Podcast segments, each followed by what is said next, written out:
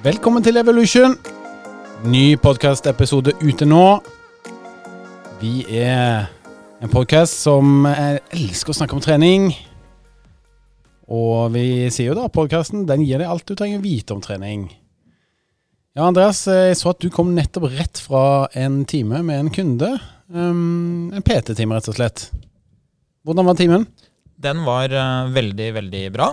Det er jo sånn at uh, det å trene én til én gir jo en, en, god oppfølging, men uh, for meg som PT så gir det jo meg noe, da. Jeg syns det er trivelig å se folk lykkes med treninga og like trening generelt. Og de fleste av kundene de er jo supertakknemlige for oppfølgingen man får på PT-timen, og gjerne variasjonen man opplever i en PT-time. Der man kan tune litt på programmet, som jeg sier. Endre litt her og der, etter dagsform, um, etter hendelser i PT-timen. Kanskje man eh, rett og slett er litt sterkere enn det man ser for seg selv, og at man da lykkes med nye, flere repetisjoner, enda mer vekt på. Og så kan jeg som PT finne på litt nye ting. Litt, kaste på med litt nye utfordringer. Og det syns jeg er kjempespennende, altså. Eh, og så er det fascinerende, for det at de fleste som trener med meg, da, som personlig trener, de tenker at de skal kunne ha en eh, innlæring til trening. De skal få seg et treningsprogram, og så skal de sette i gang på egen hånd. Og så velger de allikevel å fortsette å trene med meg, fordi at de syns det er så gøy å ha en person som coacher de på trening, som hele tiden utfordrer de. Så blir vi ganske godt kjent og vil ha det hyggelig sammen. Så PT-timer det, det, passer egentlig for, eh, for, alle mennesker, så lenge du har en målsetning som du, du ønsker nå. Ja, det er jo, det er jo en, en, vanlig ting å tro at uh, det å ha PT, det er for de som har konkrete mål, de som har trent mye. At det generelt er for de som er veldig uh, i god form, eller de som da aldri har trent før. Men uh, det vi ser, er jo at det å bli sett, det er jo en viktig faktor for å lykkes. Da. Det at noen ser deg over skuldra, følger med på om du gjennomfører. Og det er jo en av grunnene til at PT da fungerer for å nå de målene man setter seg. Og Det har man også sett i studier. da, at Trener du med PT, så er det større sannsynlighet for at du eh, faktisk får det til. Mm, bra. Og det du sa at mange tror, det var eh, et par nøkkelord i dagens episode. For dagens tema, det er myter. Og trening det er jo et av de mest mytebelagte eh, feltene som vi ser da, i samfunnet rundt oss. For det er veldig mange mener ting om trening, har hørt ting eller lest ting som eh, kanskje ikke helt stemmer med virkeligheten. Så til dagens tema så har vi ingen gjest med oss. Det er kun eh, to erfarne personlige trenere. Henning, som, eh, som er meg, og så er det Andreas. Og vi har jo da totalt over 30 000 PT-timer med erfaring. Og mange av kundene våre de spør hvordan er det egentlig med trening, og hvordan funker dette her, osv. Og, så og da er det mange overbevisninger som de har med seg. Så det vi skal gjøre i dag, det er at vi skal dra gjennom 15 myter om trening. Og Den første, Andreas, eh, den vil jeg at du skal snakke litt om. og Den handler om stølhet. Må jeg være støl dagen etter en treningsøkt for å få treningseffekt? Det her er jo en ting som vi har hatt oppe i en litt tidligere podkast. Og det er jo sånn at uh, det her er en myte. Det å skulle måtte bli støl etter trening, det sier veldig lite om treningseffekt. Uh, når du har gjort noe over lang tid, så blir kroppen vant til å gjøre den tingen. Om det er styrketrening, løping, eh, om det er bevegelser som ikke er eh, vanlige i hverdagen, men som du har gjort eh, pga. Eh, trening f.eks., så blir du ikke støl. fordi da er det ikke lenger uvant for kroppen å gjøre det. Men hvis du derimot velger å gjøre noe som er helt eh, uavhengig av det du har gjort tidligere, Si at du ikke har trent noe styrketrening på, på, beinmusklene dine, og så velger du å dra til med en time styrketrening. Da blir du støl. For det er noe kroppen ikke er vant til. Og det må jeg si at eh, Hvis jeg har et treningsprogram som jeg har med en kunde av meg, hvor jeg f.eks. har gjort knebøy og markløft en periode, og plutselig så kommer jeg med kasten inn, utfall. Så jeg endrer fra tobeinsøvelse til ettbeinsøvelse, og da blir kunden ofte veldig støl.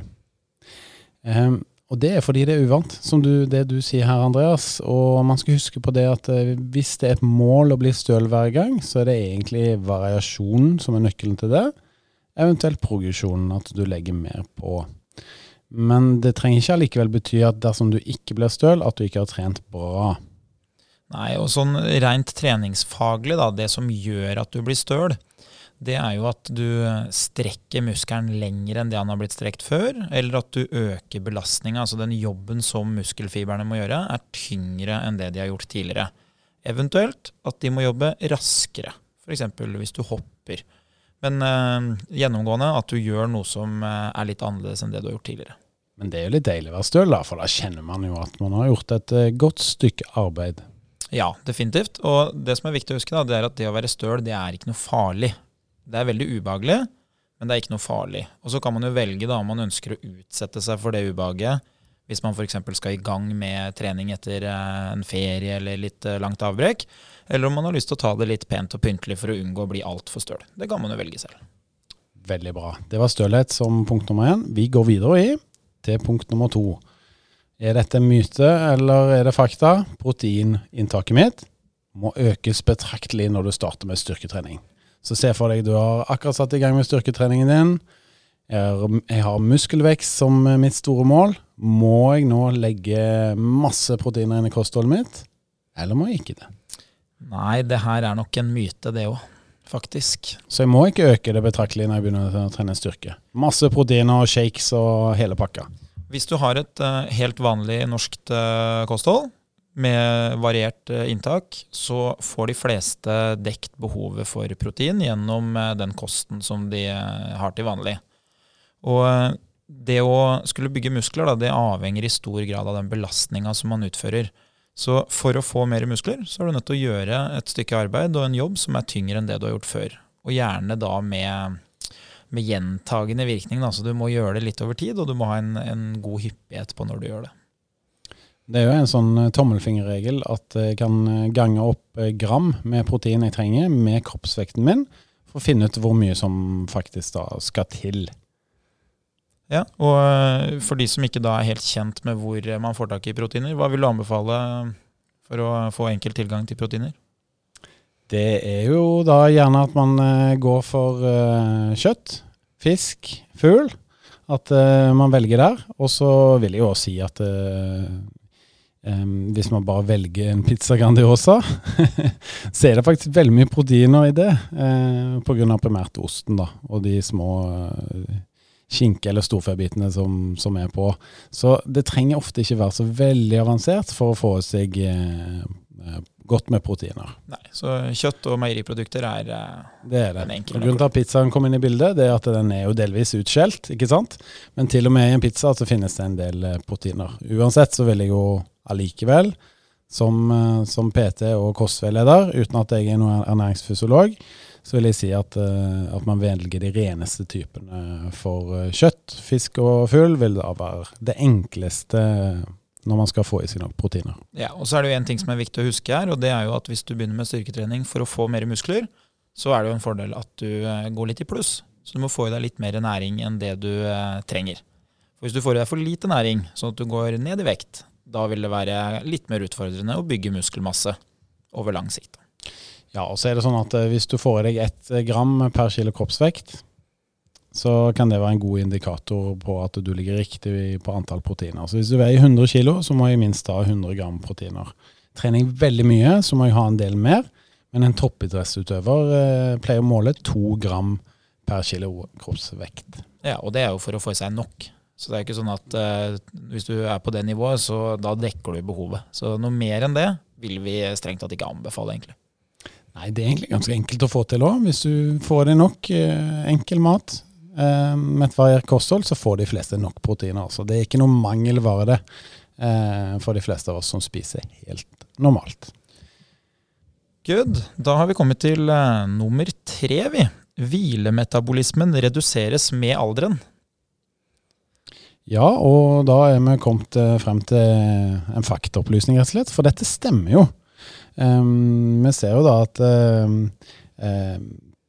stoffskiftet er på det høyeste i 20-årsalderen, og at det da deretter synker med ca. 1 eh, hvert år. Det betyr at tidene forandrer seg, det rett og slett, så du vil ikke kunne spise like mye etter hvert som du blir eldre. Men du kan jo øke aktivitetsnivået, da. Så dette her er ikke så alarmerende som det gjerne høres ut hvis du er flink til å være aktiv. Nei, og Det er jo også et uh, solid bevis på at uh, eldre bør prioritere styrketrening. Og gjerne balansetrening for å opprettholde funksjonen. Ja. Og med det så tror jeg vi er litt effektive og hopper videre på neste. Jeg. Ja, er det sånn at uh, den beinbygningen som mange sier at ja, men grunnen til at jeg har et par kilo ekstra, vet du Andreas, det er fordi at jeg har tung beinbygning. Er det sånn at du kan være født med tyngre og større beinbygning enn andre, eller? Det er jo sånn at du kan være født med større og tyngre beinbygning, men i hvilken grad det faktisk utgjør eh, mye av kroppsvekta di, så er dette her en, en myte. For eh, vekta på skjelettet den er ikke så veldig høy. Så selv om det kan være sånn at du har tyngre skjelett enn en annen person på samme høyde som deg, så utgjør ikke det så mye i eh, vekt. Sånn generelt altså så veier, veier skjelettet mellom 2,5 og 4,5 kilo. Og eh, det betyr at eh, selv om du har 30 eh, høyere beinmasse, da, så, så, vil ikke det utgjøre så mye vekt. Åh, oh, Der røyk den beste unnskyldningen min, Andreas. Nei da. Men dette er jo noe som vi hører veldig ofte. da, Hvis du har noen kilo for mye, og fettprosenten er kanskje ikke helt der den burde være, sett fra et helsemessig ståsted, så skylder mange på beinbygning. Men det er altså ikke en godkjent unnskyldning i min bok, altså. Da er det bedre å øke energinivået, ta tak i kostholdet ditt og kom deg i gang. altså. Ja, og så kan det jo være sånn at uh, når man sier det med tung beinbygning, så kan det hende at uh, man egentlig mener at uh, jeg har litt mer muskelmasse. At man er litt større rundt beina rundt armene fordi man har mer muskler. Og, og, det er klart at muskler har jo en helt annen vekt, for de inneholder masse væske. Så, så det, det, stemmer jo sånn sett, men akkurat skjelettet, det, det, utgjør veldig lite, dessverre. Det veier det det veier. Ja, det er akkurat ja. det det gjør. Og vi skal holde oss i vektreduksjonskategorien, vi, for vi skal snakke litt om det at eh, hvis du ikke har klart å gå ned i vekt tidligere, så vil du aldri klare det. Den har jeg hørt eh, hos noen. Um, og det er, litt, det er, litt, tungt å tenke det, da. For det finnes vel alltid en mulighet, gjør det ikke det? Jo, det her er definitivt en myte. Så sånn uh, med tanke på ren vektreduksjon, altså at du skal bli i lettere vekt eller få mindre vekt, fettmasse, muskelmasse, enn det du har hatt uh, tidligere, så vil jo fravær av energi, da, altså hvis du ikke spiser mat, sørge for at du går ned. Det gjelder hos, uh, hos absolutt alle. Men det er jo klart at mønsteret du tidligere har fulgt, eller at du har sykdommer, eller altså Det vil være mange faktorer som vil kunne påvirke i hvilken grad du går ned i vekt. Men hvis du ikke får næring, så, så vil alle gå ned i vekt. Så blanke ark og fargestifter til, det, det, er fortsatt det som gjelder for de fleste av oss. Det finnes stort sett alltid en mulighet, med mindre helsen er så dårlig funksjon, og funksjonen er såpass nedsatt eh, at man bærer preg av det. Og da vil jo man være langt oppe på overvektskalaen. Um, og det som heter sykelig overvektig i, per definisjon i forhold til um, Verdens helseorganisasjon sin, sine inndelinger på, på helse. Men det finnes alltid håp. Vi fortsetter. Vi har kommet til uh, nummer seks. Og nå, vet du, nå kommer vi inn på et tema som vi har vært uh, inne på tidligere. Det handler om forbrenning, da, men løping forbrenner mer enn sykling. De som har fulgt med, de, de har jo kanskje svaret her. Så spørsmålet er er dette her fakta, eller er det en myte? Ja, jeg må nok dessverre fornærme syklistene. Fordi vi er jo løpere selv og veldig glad i løping, og dette er jo da fakta. Løping forbrenner mer enn sykling, og det er en stor årsak til det. Og det er at når man løper, så bærer man sin egen vekt 100% Og det er òg et kontinuerlig arbeid, så til og med i nedoverbakke, når jeg løper nedover, så må jeg pushe kroppen min forover. Eh, og jeg holder maskinen, som er kroppen min, da, i gang hele tiden. Så med mindre du stopper å løpe, så er det ingen pause. Men hvis jeg sitter på en sykkel, så når jeg kommer til en bakke, så er det ofte en velfortjent eh, pause. Hvor jeg enten kan sakke ned på farten på pedalene uten at eh, farten eh, blir så mye lavere, eller at jeg lar pedalene hvile helt. Og sånne type hvileskjær, det finnes ikke i løping, altså. Nei, og um, det som jeg ofte får tilbakemelding på, er jo ja, men du kan jo sykle lenger enn du kan løpe. Og det er helt riktig. Så når man måler sykling og løping, f.eks., eller da to forskjellige aktiviteter, så snakker vi om eh, lik tid. Hvis du skal løpe på en eh, gitt hastighet eller en gitt eh, intensitet i en time, eller hvis du skal sykle i den samme tiden Så hvis du sier at ok, med min kroppsvekt og min form, så kan jeg sykle lenger enn jeg kan løpe, så kan det godt hende totalforbrenninga di i løpet av tida du har vært i aktivitet, blir bedre. Men uh, vi, må, vi, må, faktisk sammenligne epler og epler, og ikke epler og pærer. Det var en god metafor. Nå er jeg mest glad i pærer, da. Jeg vet ikke hva det betyr, om det var løping eller om det var sykling. Veldig bra. Neste punkt er punkt nummer syv av disse 15 uh, mytene som vi går gjennom. Og det er du forbrenner mer fett, altså kalorier, da, på lav intensitet versus høy intensitet. Ja, og det her var jo episoden med Halvor da, om fettforbrenning. Og det her er jo et interessant tema som, eh, som veldig mange uh, syns er spennende å lære mer om. Og det at du eh, forbrenner mer fett på lav intensitet i forhold til høy intensitet, det, det er jo i utgangspunktet en myte, men med modifikasjoner. For uh, i prosentandel så vil du forbrenne mer fett på lav intensitet enn høy. Men i reelle forbrente kalorier så forbrenner du mer på høy intensitet. Så hvis du sier at du på lav intensitet forbrenner eh, åtte kalorier per minutt, så kan det godt hende at fire-fem av de kaloriene kommer fra fettforbrenning. Mens hvis du har høy intensitet, så kan det godt hende du forbrenner 20 kalorier per minutt. Og da kan det godt hende at eh, halvparten, da, eller helt opp til en eh, ja, nesten 100% kommer uh, fra karbohydratene. Men totalmengden vil alltid være høyest. Så det er egentlig et prosentregnestykke her som har forvirra folk, altså. Så de tror at uh, det er den ene varianten som gjelder, med, og da det med lav intensitet, for da forbrenner jeg så stor andel med fett. Ja, så det er prosenten som på en måte fører deg litt ut på glattisen der, dessverre. Og de fleste er jo egentlig opptatt av totalen. Ja, det er jo hvor mange kalorier du har forbrent som er, eh, som er viktig. Og da vil jeg jo referere til, eh, til den enkle regelen som Halvor fortalte forrige gang. At eh, man kan si når du løper, så bruker man ca. én kalori per kilo kroppsvekt per kilometer. Så hvis du veier 100 kilo og løper 10 km, så forbrenner du 1000 kalorier. Og det er klart at Hvis du blir i bedre form da, og kan øke farta, så vil du kunne løpe lengre på samme tid. Hvorfor er det sånn eh, da at det er så mange fitnessutøvere og sånn, at de driver og går på morgenen og skal forbrenne så mye fett? Altså, Blir det feil, eller? Ja, det vil, jo, det vil jo ikke utgjøre noe større forskjell å skulle trene på morgenen enn på kvelden. Eh, fordi forbrenninga det avhenger av den jobben som du legger ned. Og så I tillegg så um, er det jo sånn at det å gå da, det forbrenner færre kalorier enn det å løpe. Uh, igjen tilbake til det Halvor sa. Hvis du skal gå istedenfor å løpe, så må du bruke 0,7 per kilo kroppsvekt per kilometer. Og En av grunnene til at uh, fitnessutøvere velger å gå om morgenen, det er jo fordi man ønsker lav belastning. Så man ønsker ikke å bruke opp kreftene sine på å løpe, men man ønsker gevinsten av å skulle bruke kalorier. Så for å gå ned i vekt, så må de være i aktivitet, men de har ikke lyst til å gjøre en type aktivitet som er så tung at de ikke får trent styrke. Nei, og mange av de er jo veldig lavt eh, på kalorier, så det, det, er vel mulig at det ikke er så mye energi igjen til løping, da. Så det, det er sånn sett et forståelig valg. Ikke sant. Hvis det hadde vært en energibalanse, um, og hadde hatt energi til det, så ville jeg stort sett anbefale løping eh, fra et uh, helsemessig perspektiv, da. Fordi at det gir jo både økt slagvolum og uh, utfordre den generelle kapasiteten i mye høyere grad enn å gå. Helt klart. Helt klart. Neste punkt er nummer åtte, og da er det utholdenhetstrening gir bedre effekt på vektreduksjon enn styrketrening, selv om økt muskelmasse gir høyere hvileforbrenning. Ja. Ja, um, dette er jo da fakta. Kan du utdype? Dette er uh, fakta, vet du. Og uh, det som uh, blir på en måte greia her, da, det er jo at når du trener styrke, så får du flere kilo muskler. Hvis du er dyktig og du trener over tid.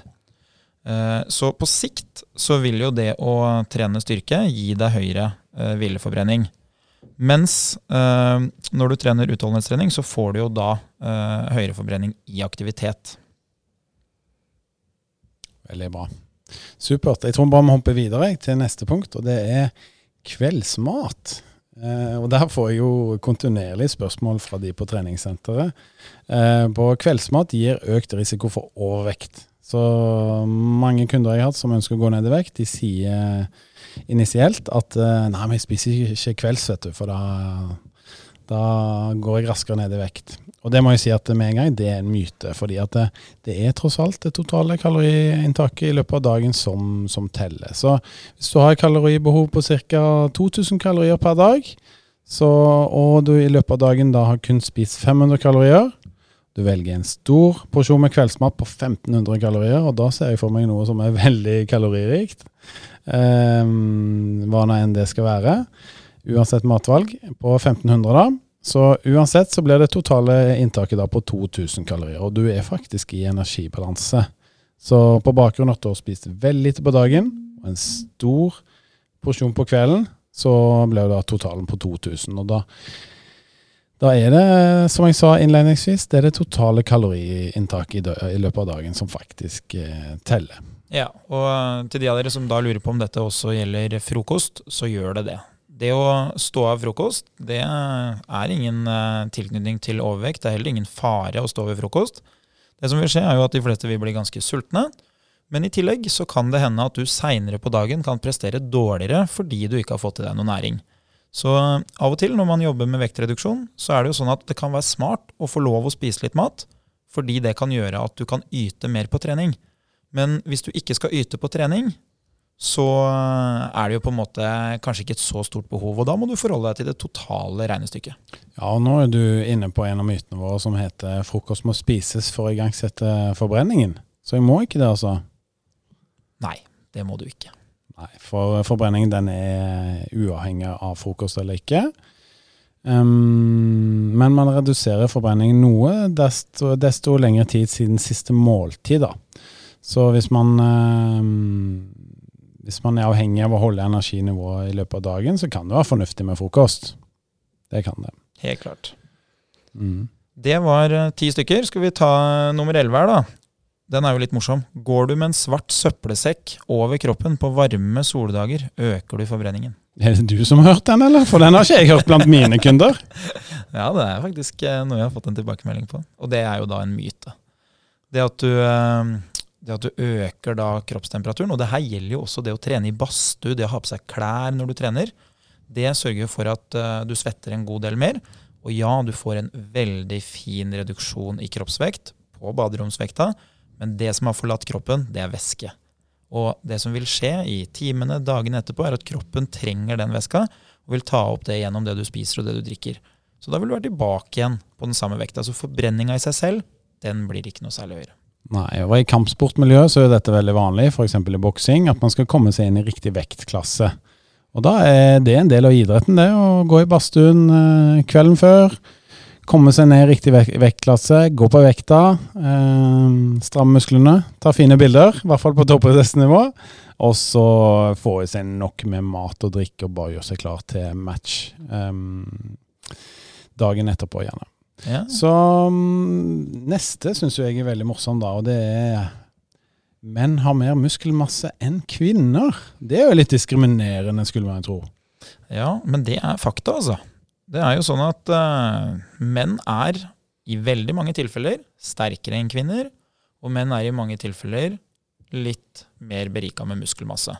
Og så kan man jo uh, se på hvorfor det har blitt sånn, men det, det har nok noe med at uh, menn i utgangspunktet ikke skal føde barn, og har hatt en rolle hvor de har vært mer aktive enn det kvinnene har vært, pga. å ta vare på barnet i ettertid. da. Ja, for gjennomsnittlig så utgjør jo da ca. 40 av kroppsveksten, eh, kroppsvekten hos voksne eh, menn. da, Det utgjør muskelmasse, eh, mens 35% hos kvinner. Så det er, jo, det er jo en forskjell der. Ja, og En sånn artig ting er jo at i noen idretter så ser man jo at kvinner kan prestere nesten like bra som menn. Og da ofte i, i utholdenhetsidretter hvor det er vektbærende idrett, f.eks. da motbakkeløping eller uh, Eh, det som da går på at kroppen til kvinnen er lettere enn en menns kropper. Da. Ja, Eksempel på det er vel Therese Johaug. Det er jo en god grunn til at hun vinner Tour de Ski ja. um, omtrent hvert år.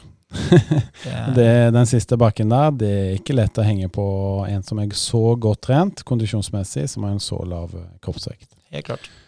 Mm. Ja, mage og det å trene mage. Magefett det er et tema som veldig mange snakker om.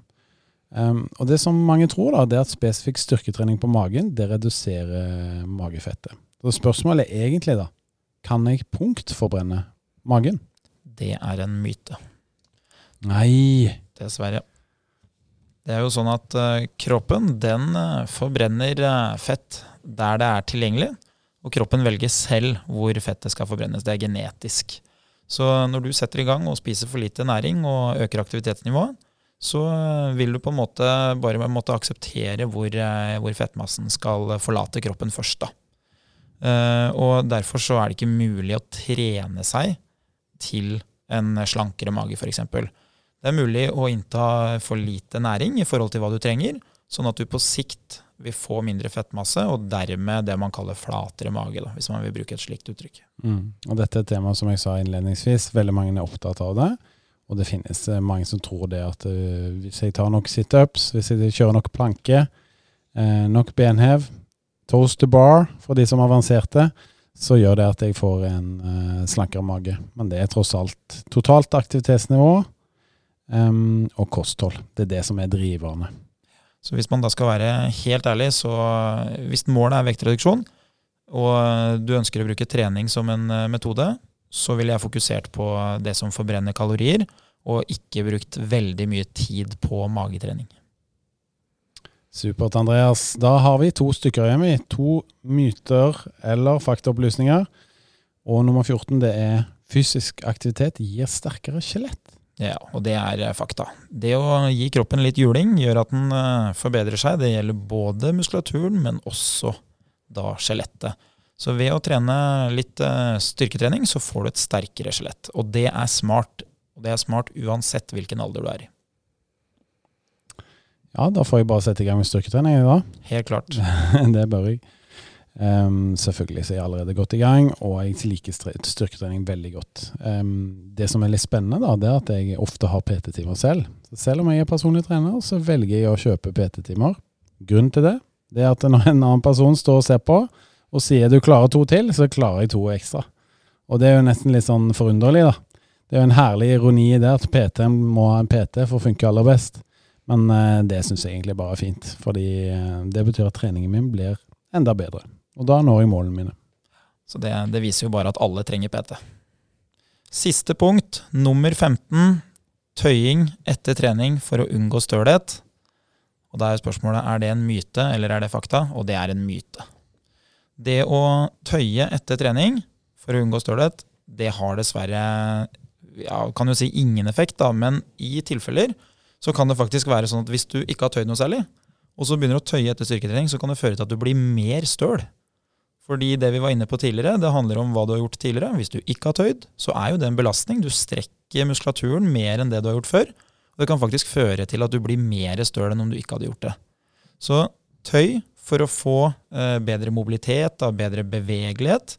Eh, det kan være bra for idrett, det kan være bra for oppgaver du løser til vanlig, men eh, ikke tøy for stølhet. Veldig bra. Så der har vi de. 15 eh, fakta og myter om trening. Er det sånn at du har lyst til å lese artikkelen, um, så ligger den faktisk på Evolution. Punktum evofitness.no. Med det så er vi gjennom uh, dagens tema. Um, er det sånn at du har uh, en myte som du mener at vi har glemt, eller som du bare ønsker at vi skal diskutere, så ønsker vi gjerne å høre fra lytterne våre. Da kan du ta kontakt med oss eh, enten via Facebook eller Instagram på evofitness.no. Og med det så ønsker vi deg en riktig god treningsuke. Takk for oss. Takk for oss eh, PT-er, for å si det sånn. Og um, så syns jeg at det er veldig hyggelig at du som lytter på, gir oss en anbefaling hvis du likte det du hørte på. Til neste uke Sayonara!